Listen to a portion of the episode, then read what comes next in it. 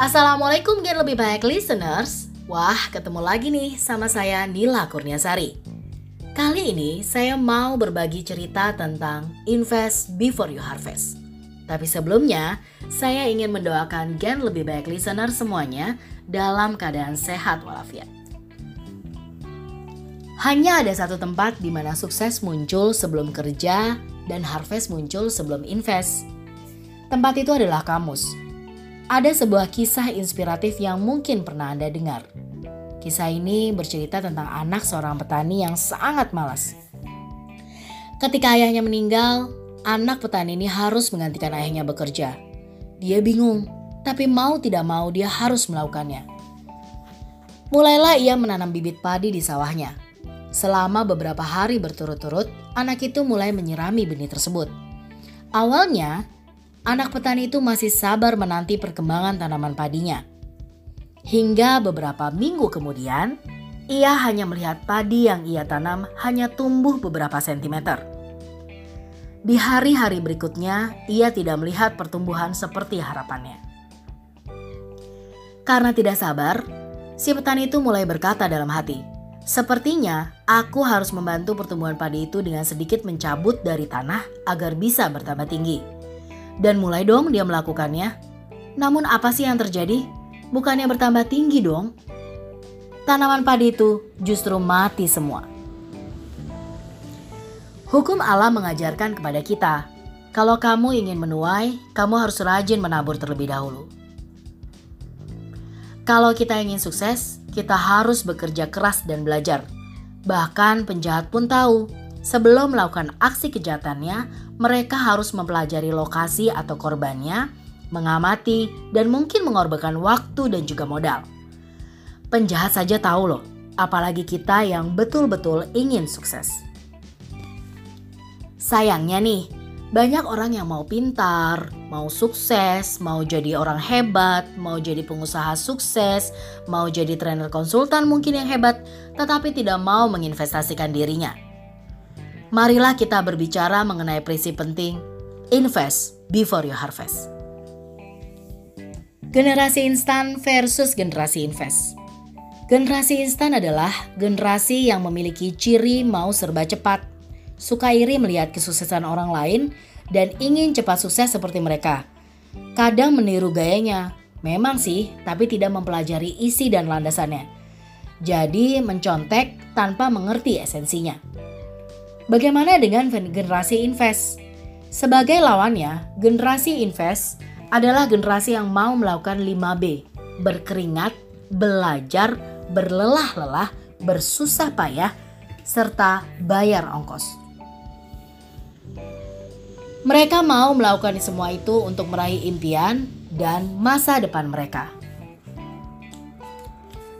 Setiap profesi di mana pun mengajarkan satu hal yang pasti kepada kita, bahwa tidak ada kesuksesan tanpa investasi. Apa saja sih yang perlu diinvestasikan? Secara umum, ada lima hal yang perlu diinvestasikan. Yang pertama adalah pikiran Anda. Hal ini terkait dengan bagaimana Anda mulai memfokuskan pikiran dan energi dengan apa yang ingin Anda raih. Misalnya nih, ketika kita ingin menjadi penjual properti yang sukses, mulailah fokuskan pikiran Anda hanya untuk urusan properti. Seperti membaca dan belajar, serta memasukkan ke dalam pikiran Anda segala informasi terkait properti. Begitu pula jika asuransi jiwa. Semua fokus kita hanya kepada untuk urusan membaca dan belajar serta memasukkan ke dalam pikiran kita informasi yang terkait tentang asuransi jiwa. Dengan demikian, lama-lama investasi itu mulai mengondisikan pikiran dan hidup Anda dengan istilah dan pengetahuan mengenai apa yang kita pelajari dan fokuskan. Kedua, waktu Anda. Hal ini terkait bagaimana Anda menggunakan waktu luang atau bersedia menukarkan waktu yang Anda miliki untuk membangun kemampuan Anda di bidang yang ingin Anda tekuni. Misalnya nih, meluangkan waktu untuk ikut training, meluangkan waktu untuk bicara dan berdiskusi dengan orang-orang yang bisa menjadi mentor bagi Anda. Diskusi bisa dengan leader Anda, bisa dengan teman sejawat Anda juga. Jadi, Kalau memang ada hal-hal yang terkait dengan pengembangan dan pelatihan, Anda sebaiknya mengikuti. Apalagi jika training tersebut gratis. Anda cukup menginvestasikan waktu saja. Ketiga, investasikan uang Anda. Kadang-kadang ada uang sekolah loh yang harus dibayar untuk menjadi pintar. Begitu juga ada mesin perlengkapan maupun peralatan dasar yang perlu kita beli untuk menjadi ahli di bidang kita. Nah, janganlah terlalu pelit untuk mengeluarkan uang nih untuk investasi semacam ini. Ingat, jika Anda menginvestasikan uang Anda secara tepat, uang yang Anda keluarkan akan kembali berlipat ganda. Contohnya dalam kondisi seperti ini, Anda mau ketemu nasabah, hanya modalnya kuota. Biasanya, kalau tidak pandemi, anda mendatangi nasabah menggunakan budget. Budget apa nih?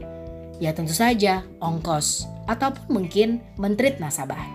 Tapi dalam situasi dan kondisi seperti ini, Anda cukup menginvestasikan uang Anda kepada kuota. Keempat, investasikan energi Anda.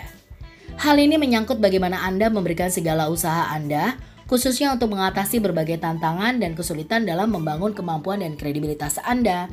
Misalnya, untuk menjadi seorang penjual yang sukses, Anda harus menginvestasikan energi lebih besar untuk menelpon lebih banyak orang. Oke. Melakukan virtual online meeting dengan lebih banyak prospek dan lain sebagainya.